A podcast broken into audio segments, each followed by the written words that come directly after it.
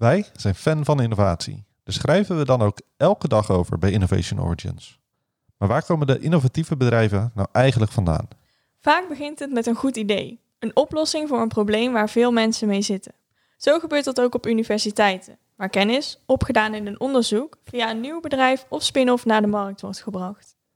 En daarom hebben we dit jaar een serie artikelen geschreven met verhalen achter de spin-offs van de Nederlandse Technische Universiteiten en TNO. Zij zijn namelijk een drijvende kracht achter innovatie in Nederland. In deze serie podcast kijken we in samenwerking met 4TU hoe het ondernemerschap binnen kennisinstellingen steeds belangrijker wordt.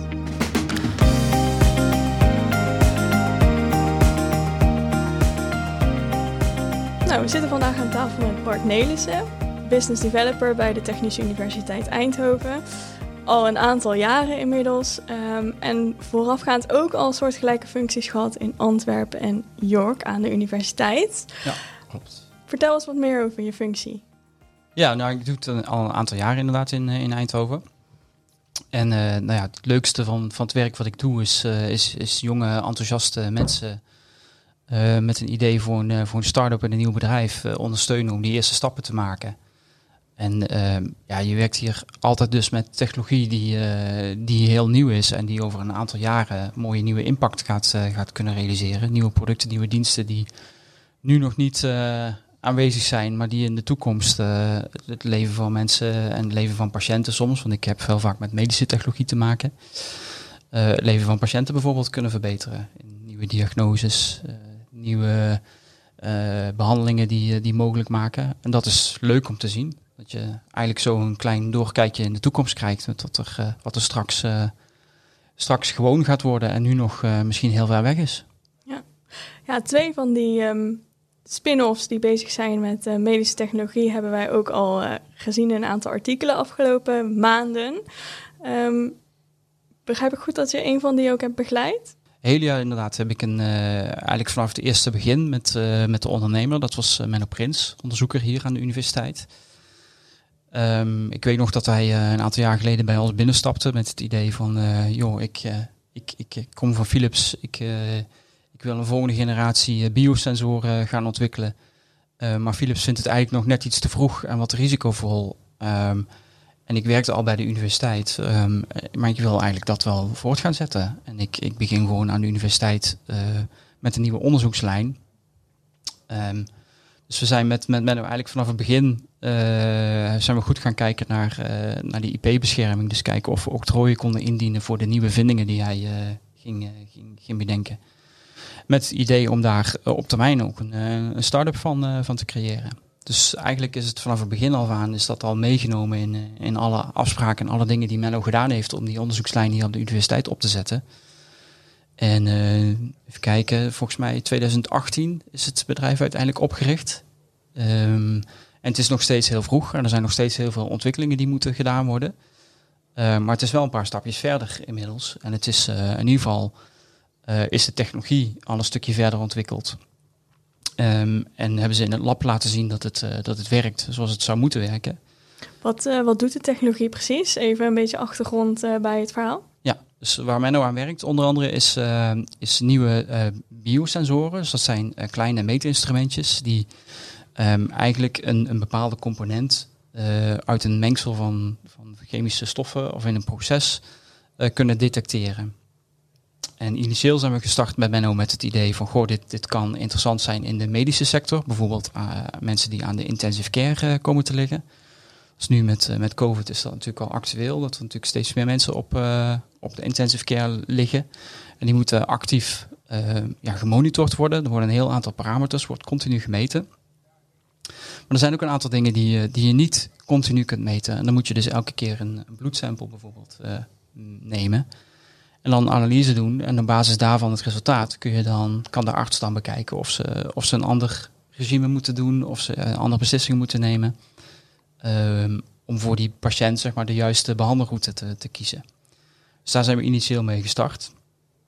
Maar later kwamen we tot de ontdekking dat dat eigenlijk best wel lastig is en nog een vrij lange weg is uh, in, in die medische sector.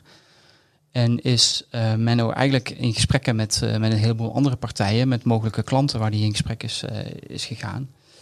eh, is hij tot de ontdekking gekomen dat er andere routes zijn waar je iets sneller al ehm, eh, sensoren kunt gaan maken en ook al direct kunt gaan toepassen. In de medische sector moet je, voordat een medisch product op de markt mag komen, moet je door een heel stap van, eh, van testen gaan met klinische studies, et cetera. En daar zit een heel pad aan, aan vast om, om tot toelating te komen. Dus er zijn nu een aantal routes die bijvoorbeeld in de voedingsindustrie, bijvoorbeeld vanuit de aardappelzetmeel fabrikanten die hebben processen ontwikkeld waarbij ze zeer waardevolle eiwitten uit zo'n uit zo'n mengsel kunnen halen. Daar zit een heel proces aan vast. En als je dat proces optimaal wil laten renderen of wil laten lopen, dan is het eigenlijk heel handig als je continu een aantal parameters in de gaten kunt houden. En dat is nu precies wat Menno met zijn technologie kan ontwikkelen. Dus hij ontwikkelt dat nu samen met, uh, met een aantal mogelijke klanten van hem. Ja, ja want um ja, jullie begeleiden start-ups, spin-offs, uh, ja, de universiteit uit eigenlijk met allerlei technologie. Ja. Veel mensen denken bij start-ups een leuk appje en die, uh, nou, die ontwikkel je in een jaartje, even oneerbiedig gezegd, en je bent klaar. En uh, ja, hier op, uh, op het TU-terrein zijn er ook start-ups die in, of spin-offs die in ja, 2005 zijn begonnen en nog steeds eigenlijk in een korte, ja, of een groeifase zitten en nog keihard bezig zijn. Hoe, hoe lastig is het om zo'n hele lange termijn uh, te begeleiden? Ja, nee, dat klopt. Dat, is wel, dat, zie je bij heel veel van onze spin-offs inderdaad. Uh, het zijn allemaal uh, bedrijven die hele nieuwe technologie ontwikkelen. Waarvoor applicaties er wel al gedachten zijn waar, waar je het zou kunnen, kunnen toepassen. Maar die echte applicatie in die markt die is er eigenlijk altijd nog niet. Dus dat moet je gaandeweg zeg maar uitzien te vinden. Uh, dus je moet voor, voor de meeste spin-offs van, van onze universiteit, um, en ook voor andere universiteiten geldt dat, maar zeker ook nog voor de technische universiteiten, denk ik. Uh, weet je dat je van tevoren, als je eraan begint, dat je een heel lang ontwikkeltraject hebt, um, voordat je uiteindelijk een product op de markt hebt. Dus je moet die, die lange adem moet je eigenlijk vanaf, vanaf het begin al inbouwen. Uh, en je gaat telkens in stapjes verder en je maakt het beheersbaar door, door telkens in, in behapbare stappen op te delen dus wat wij bijvoorbeeld doen um, in de beginfase, als, als uh, ondernemers naar ons toe komen of onderzoekers naar ons toe komen met een idee. Uh, wat we proberen te doen is uh, sowieso eerst de, kijken waar de, de meest waardevolle applicaties zitten. Ja. Om vervolgens um, een soort plannetje op te maken van hoe gaan we dit ontwikkelen? Wat moeten we dan doen? Um, wat voor experimenten moeten we dan laten zien? Wat voor, wat voor prototypes moeten we maken? En dan probeer je een soort uh, ja, roadmap, noemen wij dat dan. Een soort uh, ontwikkelpad wat je, wat je uittekent. Um, en dat maak je dat beheersbaar door het op te delen in, uh, in, in, stapjes die je, die je ook zeg maar, met, met financieringsinstrumenten die beschikbaar zijn kunt financieren. En dan ja, ga je door als een bedrijfje door een aantal fases heen. Um, dus het begint met heel erg eerste applicaties vinden en die proberen te valideren met, met, met klanten. Uit te werken in pilots bijvoorbeeld. En als je op een gegeven moment zover bent dat je een, product bijna klaar is, dat, dat het ook echt naar de markt kunt gaan, dan ga je weer een andere fase in. En dan komen er ook weer andere type investeerders komen er dan bij kijken, of andere financieringsbronnen komen er dan bij kijken. Dan kun je bijvoorbeeld met investeerders gaan praten. En dan ga je ook een andere fase van je bedrijf in. Dan moeten er ook wel meer mensen bij komen. Vaak zie je dan dat het bedrijf ook weer wat gaat groeien. Initieel is het eigenlijk een heel klein team wat, uh, wat, wat de eerste, eerste ontwikkelstapjes maakt. Maar langzaam gaat dat uitgroeien. Ja. En hoe, hoe, hoe komen die spin-offs uh, tot een eerste idee? Zeg maar, ja. en, en, hoe komen ze dan bij waarom, waarom hebben ze jullie nodig? Ja, ja dat is een goede vraag. Uh, kijk, wij, er lopen natuurlijk onderzoek hè, binnen de universiteit. Dus uh, dat wordt in allerlei projecten wordt dat gedaan. Er zijn verschillende projectpartners bij betrokken, vaak al industriële partners, zoals met andere universiteiten. Um, ja, in zo'n kader van zo'n project komt op een gegeven moment uh, komen er wat interessante dingen voorbij. En um, dat is het moment waarvan wij eigenlijk hopen dat onderzoekers dan nog weten te herinneren dat ze een, misschien een half jaar of een jaar geleden als een keer gesproken hebben met iemand van de Gate, uh, van de universiteit. Um, om eens wat uit te leggen hoe dat nou werkt als je een start-up begint. En zo hopen we dat ze, dat ze eigenlijk weer naar ons toe komen. Om dan de vragen te stellen. Uh, wat, wat kunnen we nu mee? Hoe moeten we het aanpakken? Kunnen jullie ons daarbij helpen? En dat doen we dan vanaf dat moment.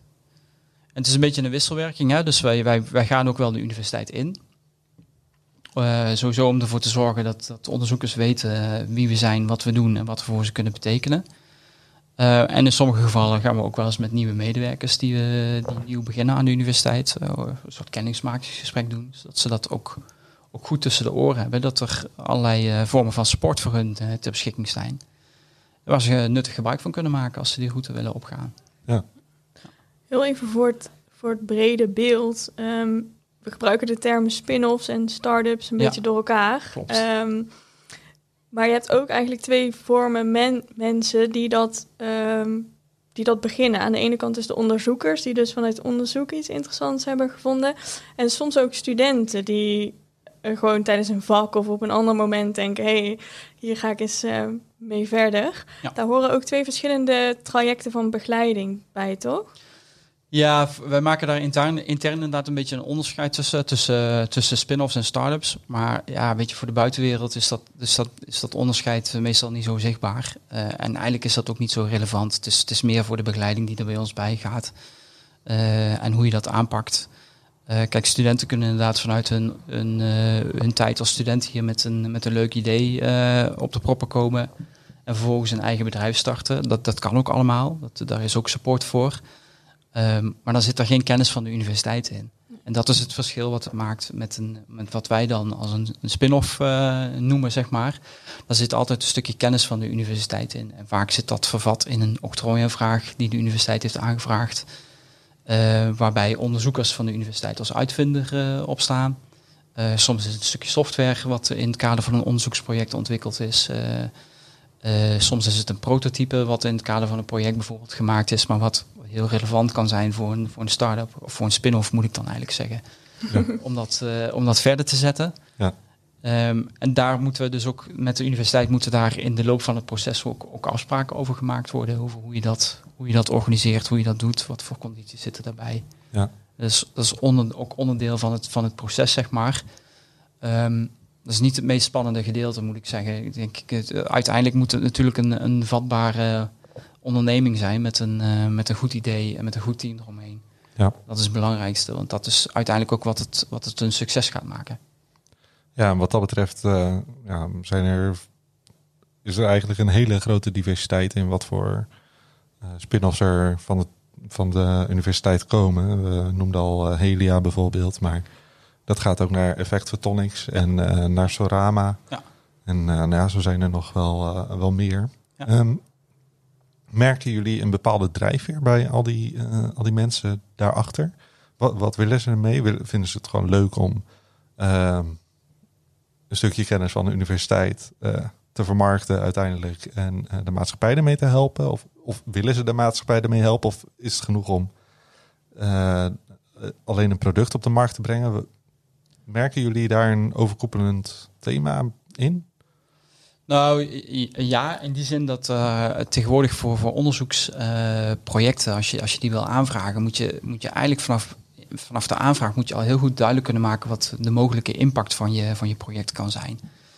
Uh, en dat is voor sommige onderzoekers best wel een uitdaging, maar ik denk dat dat hen wel aanzet om na te denken waar het mogelijke toepassingen heeft. En dat betekent dat die onderzoekers dus ook eigenlijk al in een vroegere fase daar eh, eigenlijk gedwongen worden om daarover na te denken misschien worden dan ook al die eerste zaadjes geplant van, goh, uh, misschien kun je hier eigenlijk best wel een, een start-up rond beginnen, rond, uh, rond deze technologie. Um, dus dat is denk ik uh, een, een drijfveer voor mensen om dit te doen. nou ja, de universiteit wil dat ook heel graag stimuleren, hè, dus dat onderzoekers ook wat meer ondernemend gaan denken. Waarom is dat belangrijk? Um, nou, van de ene kant omdat je uh, dat nu de trend is met die, met die uh, financieringsaanvragen, dat je dat ook goed moet in kaart brengen. Dus dat, dat, dan helpt het als je mensen in, in dienst hebt die, die ook weten hoe dat werkt en, en misschien ook die stapjes willen zetten. Mhm. Dat inspireert bijvoorbeeld weer andere mensen die dat misschien nog uh, wat lastig vinden of moeilijk daar een beeld bij kunnen vormen. Kijk, als je een paar uh, goede voorbeelden hebt, dan stimuleert andere mensen weer om, om diezelfde stappen ook eens een keer te maken. Ja. Uh, dus dat. En ik denk, nou ja, deze, deze universiteit heeft zeker ook een traditie in samenwerking met, uh, met bedrijven om ons heen.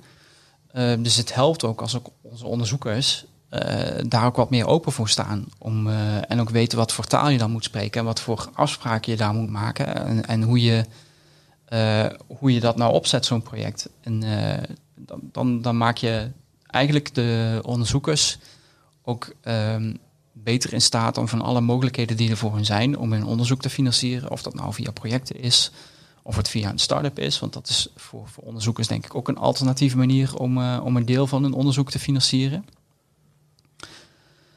Uh, sommige mensen zijn, komen hier met, die zijn echt gewoon intrinsiek uh, gemotiveerd om, uh, om iets met ondernemerschap te doen. ja, Menno Prins van Helia is eigenlijk zo'n voorbeeld. Die wilde dat eigenlijk vanaf het begin al, voordat er überhaupt iets, iets lag. Voordat het geregeld was. Voordat, voordat er iets was. Ja. Van, ja, ik vind het leuk om dat te ontdekken. En ja, dat, weet je, dan, dan gaat dat lopen. andere mensen moet je, moet je het iets meer laten zien hoe dat kan. En ja, hoop je met, met voorbeelden toch, toch te overtuigen dat dat misschien ook best een interessant pad kan zijn om, om eens een keer te, te, gaan, te gaan ontdekken. Dus er zijn verschillende drijfveren voor mensen om, om dit, dit, dit pad te bewandelen. Ja. En als onderzoeker kun je daar ook verschillende rollen hebben. Hè? Ik ken voorbeelden van professoren die, die het heel belangrijk vinden dat er, dat er start-ups gegenereerd worden vanuit hun eigen onderzoeksveld.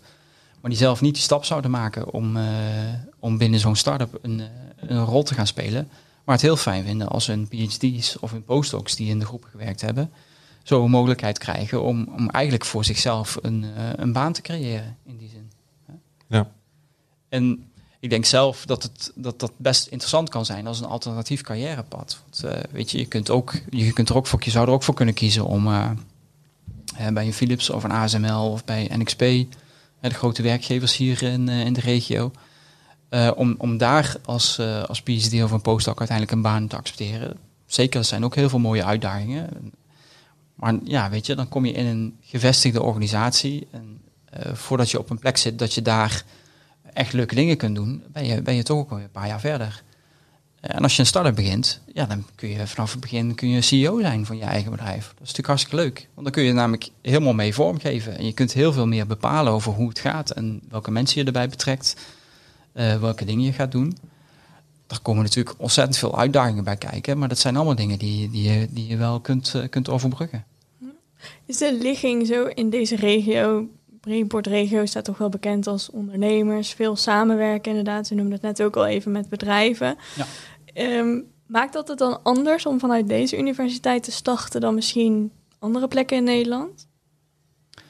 Ja, ik denk dat het wel heel vruchtbare bodem is uh, hier. Uh, ik kan je misschien zelf even een voorbeeld geven van mijn vorige uh, werkgever. Dat was op de Universiteit van Antwerpen. Het was een, was een algemene universiteit. Dus we hadden wel ingenieursopleiding, maar eigenlijk niet zo heel veel.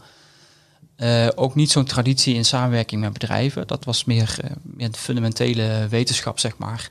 En daar kwamen hartstikke mooie technologieën uit. Um, maar dan waren wij soms als business developers samen met die onderzoekers heel lang aan het kijken van ja, welk, welk probleem kunnen we daar nou eigenlijk mee oplossen? Wat is nu de, wat kunnen we er eigenlijk met die, met die mooie technologie doen? En hier is dat, in Eindhoven is dat eigenlijk vanaf het begin dat er, dat er, dat er iets gedaan wordt, of eigenlijk al voordat een project geformuleerd wordt. Omdat je met ingenieurs werkt, zijn er al technische problemen ergens in een, in een applicatiedomein. Uh, waar iets aan, aan gedaan moet worden of waar een oplossing voor gevonden moet worden. Dus het begint eigenlijk altijd al bij een, bij een heel praktisch probleem. Ja. Of een uitdaging die, die overwonnen moet worden. Dus dan vind je veel sneller de route naar applicaties. En omdat je hier samenwerkt met bedrijven, onderzoekers dat ook gewend zijn om dat te doen, zien ze ook de andere kant van de tafel. Hè, wat, er, wat er nodig is voor een technologie die vanuit de universiteit komt en daar tot een bepaald niveau. Uh, weet je, als, als het, als het voor, voor een onderzoeker is het af als het, uh, als het werkt en er een publicatie geschreven kan worden.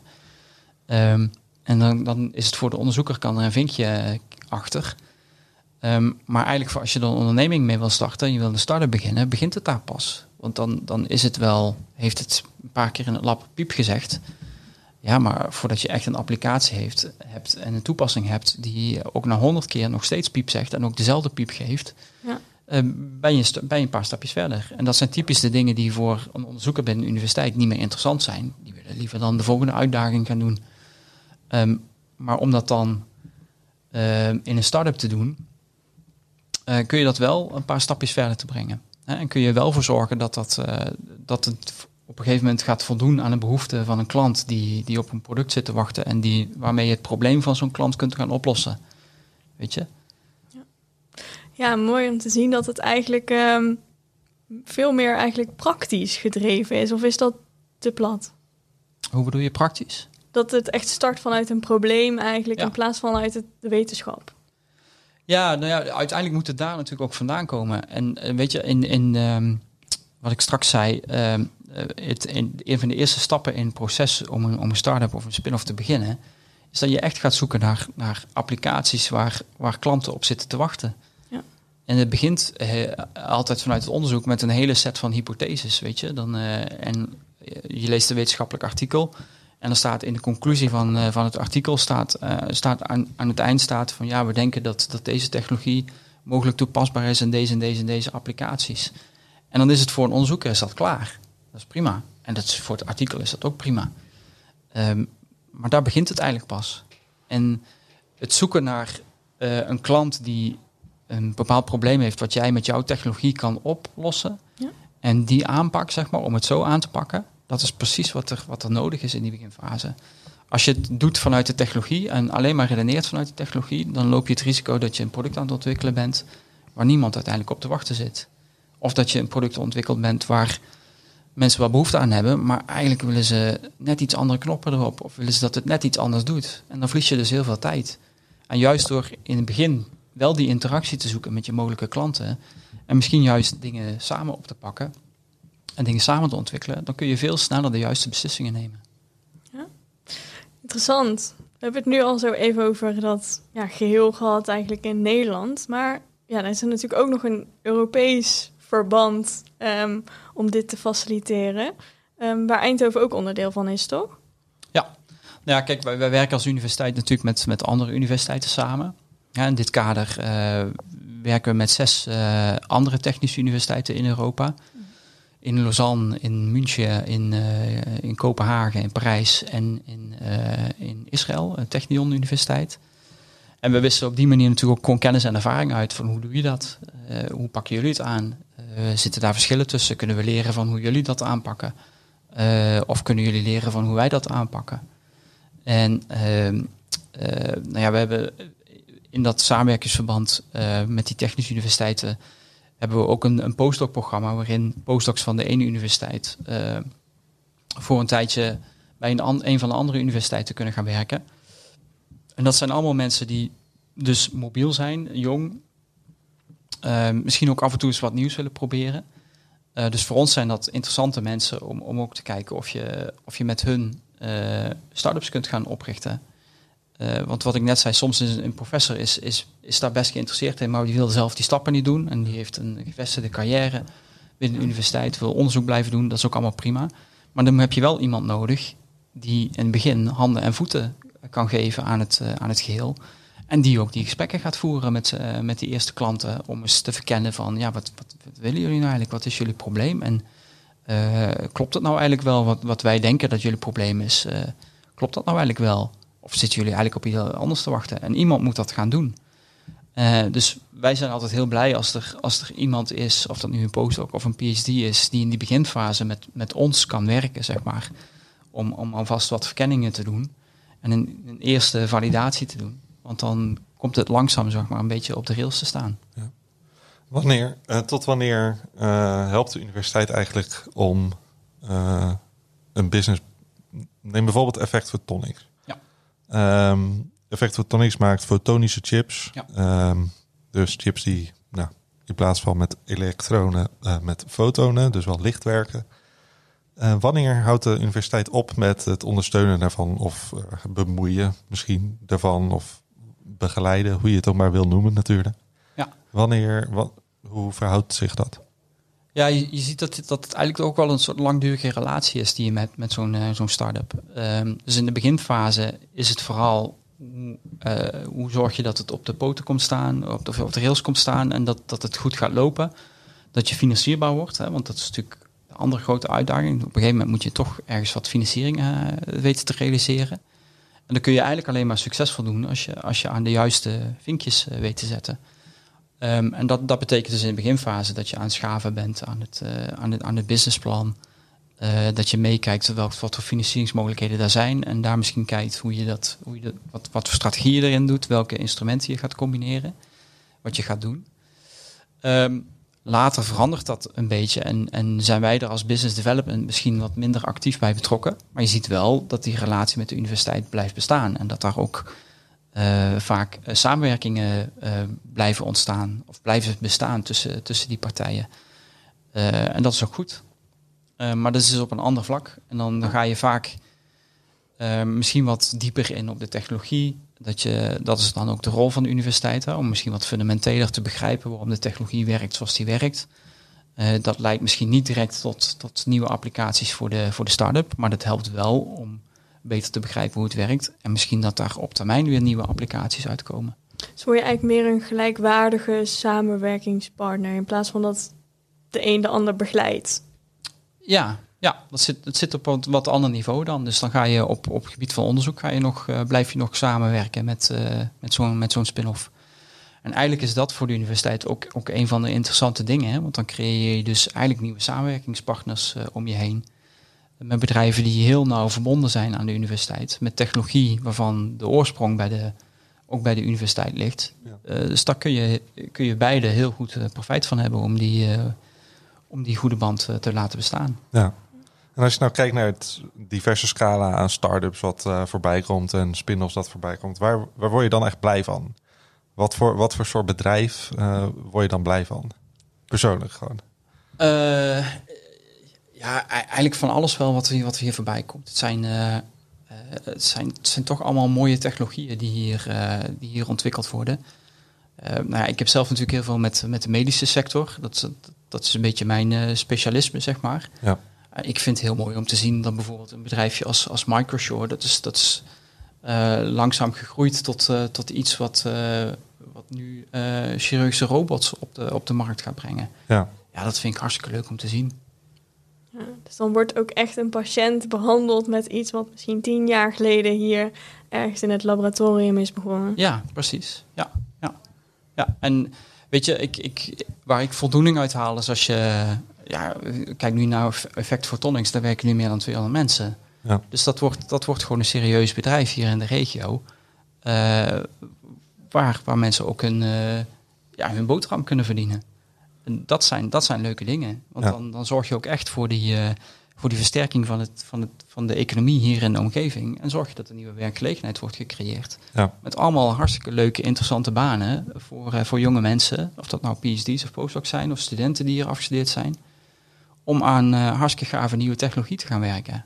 En, en zo, zeg maar, uh, een steentje bij te kunnen dragen aan, aan de impact die je bedrijf kan realiseren. Uh, bij, bij, bij Effect Photonics betekent dat bijvoorbeeld onze, onze nood aan, aan meer data en al die datacentra die, die overal ontspruiten.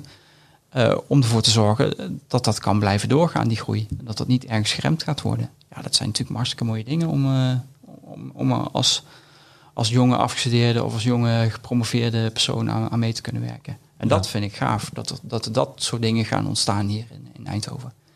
En dat echt dat ecosysteem hier een beetje op gang uh, begint te komen. Ja. Welk ecosysteem heb je het dan specifiek over?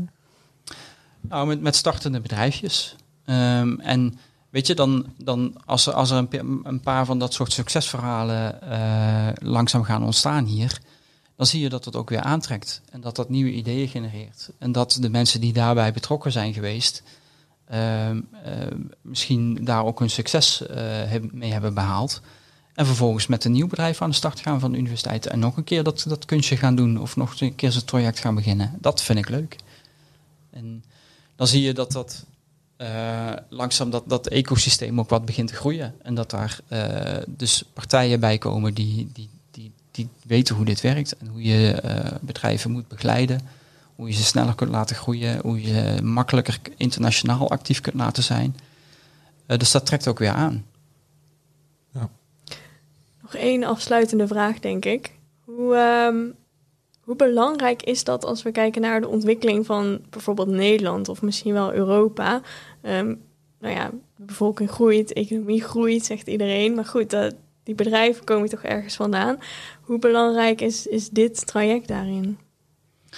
Ja, ik, denk dat het uh, inmiddels een beetje cruciaal is. Uh, zeker als je, nou ja, als, je, je praat toch al, altijd over de grote uitdagingen waar we, waar we eigenlijk als samenleving voor staan. Een paar van de dingen die jij net noemde. Um, weet je, de, de, de, ik denk dat, um, dat die maatschappij ook een beetje veranderd is in die zin. Hè, waar we misschien 15 tot 20 jaar geleden het idee hadden dat allemaal grote bedrijven, uh, multinationals, uh, dit gaan doen en, uh, en gaan oppakken. Um, ja, die hebben, die hebben toch, zijn die ook wat minder zelf gaan innoveren in hun eigen organisaties en zijn ze wat meer gaan kijken naar open innovatie. Dus hoe kun je met andere partijen nieuwe innovaties nou, tot, tot wasdom laten komen, tot, tot nieuwe producten. En dus die, die grote uitdagingen aangaan. Maar dan zie je dat dat dat ze toch gewend zijn om ook in die oude structuren nog te werken als groot bedrijf. En dan, dan ben je eigenlijk niet wendbaar uh, genoeg om, om um, in zo'n in, zo'n wat je in zo'n start-up systeem hebt, is dat je, dat je jonge mensen hebt die uh, ook bereid zijn om uh, de uitdagingen aan te gaan. En ook eens af en toe tegen wat gevestigde dingen willen gaan schoppen en kijken, kan het niet anders? En soms heb je dat gewoon nodig. En, en zeker als je, als je voor die grote uitdagingen waar we voor staan oplossingen wil vinden, um, ja, dan is zo'n route via zo'n start-up. Uh, je bent lean, je bent mean, dus je kunt uh, wat sneller uh, schakelen, je kunt wat sneller dingen doen. het wordt ook geaccepteerd dat je als start-up misschien eens dingen wat net eens wat anders probeert. En probeer het maar gewoon, weet je. En, en, en door dat mogelijk te maken, uh, vergroot je denk ik de kansen dat, dat we wel die grote uitdagingen op een gegeven moment uh, aangaan. En dat we echt die grote slagen in, in een innovatie en nieuwe producten die we nodig hebben, uh, dat we die kunnen gaan realiseren. Ja. Wat zijn die grote uitdagingen, nog even voor de volledigheid? ja, wat je net schetste, hè, we, bedoel, we, we, we leven allemaal langer, er komen steeds meer mensen. Uh, die mensen willen allemaal ergens wonen. er, moeten, er moeten voorzieningen voor zijn. Die willen allemaal uh, een wifi-connectie hebben die werkt en die, die voldoende data heeft. Ja, hoe ga je dat allemaal realiseren? Um, en dat zijn denk ik wel de, de, grote uitdagingen. Even los van het feit dat, dat we natuurlijk ook een hele grote impact hebben op, ons, op onze leefomgeving. op het energiegebruik en hoe we dat gaan doen. we staan voor een hele grote uitdaging met de energietransitie. Hoe, hoe we iedereen van het gas afkrijgen. Uh, hoe ga je dat voor elkaar krijgen? Daar heb je echt wel innovatie voor nodig. En, en juist in dat soort uh, grote uitdagingen kunnen start-ups met nieuwe ideeën kunnen een, uh, een, een, belangrijke rol vervullen, denk ik, om, om het gewoon maar eens te proberen. Ja. en als jullie op zoek zijn naar nieuwe partijen om met onderzoek aan de slag te gaan, of iemand heeft een onderzoek waar die mee aan de slag wil gaan en een spin-off wil creëren, ja. um, sorteren jullie dan nog voor met uh, die uitdagingen in het achterhoofd van, nou, het moet in elk geval uh, nuttig zijn voor de maatschappij op dit vlak? Of hoeft dat nee, niet? Nee, eigenlijk niet. Maar dat, dat hoeft eigenlijk ook niet. Uh, want dat zit eigenlijk al een beetje ingebakken in, in wat voor onderwerpen onze onderzoekers onderzoeken binnen de universiteit. Want dat, dat is eigenlijk onze bron. Hè, dus waar de ideeën vandaan komen. En, die, thema's die, die, ja, die, worden, die worden door financierders bijvoorbeeld gezet van uh, goh, we zoeken nieuwe oplossingen in dit soort domeinen. En dan wordt een, uh, een call uh, geschreven. Dus wij hoeven dat eigenlijk niet te doen. dus dat is eigenlijk al inherent aan het, aan het, aan het systeem waarin, waarin we gewend zijn om te werken. Dat, dat, dat, dat soort grote uitdagingen, die, ja, die, die komen er dus al. En daar, daar wordt dus al naar gekeken om daar voor oplossingen te zoeken. Ja, nou, we hebben een aantal oplossingen of uh, potentiële oplossingen in elk geval voorbij zien komen in de serie van Linda al. Ja. En uh, nou, hopelijk wordt het alleen maar meer, toch? Ja, daar hoop ik ook op. Ja. ja, dankjewel. Dankjewel. Zo, dat was weer een interessant gesprek. Wat vond jij? Ja, dat vond ik ook. Er waren een paar dingen die me wel echt opvielen. Um, hij heeft het natuurlijk over de grote, de grote ja, problemen van deze tijd en hoe je die oplost. En dat uh, start-ups en spin-offs daar een grote rol in hebben te spelen. En uh, ja, dat is altijd mooi om te horen dat, dat startende ondernemingen daar aan kunnen bijdragen. Maar iets anders dan me, dan me opviel is, we hebben bij IO hebben we een lijstje met woorden die je zo min mogelijk wil gebruiken om het voor iedereen begrijpelijk te houden. En eentje daarvan is toch wel echt ecosysteem, denk ik, hè?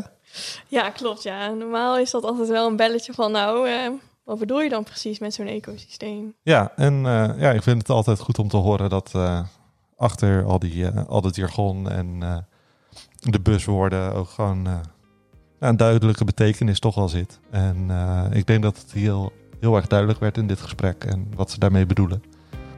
Ja, klopt. Bedankt voor het luisteren. In de volgende aflevering gaan we in gesprek met Jaap Beernink van de Universiteit Twente. Tot volgende week. Tot volgende week.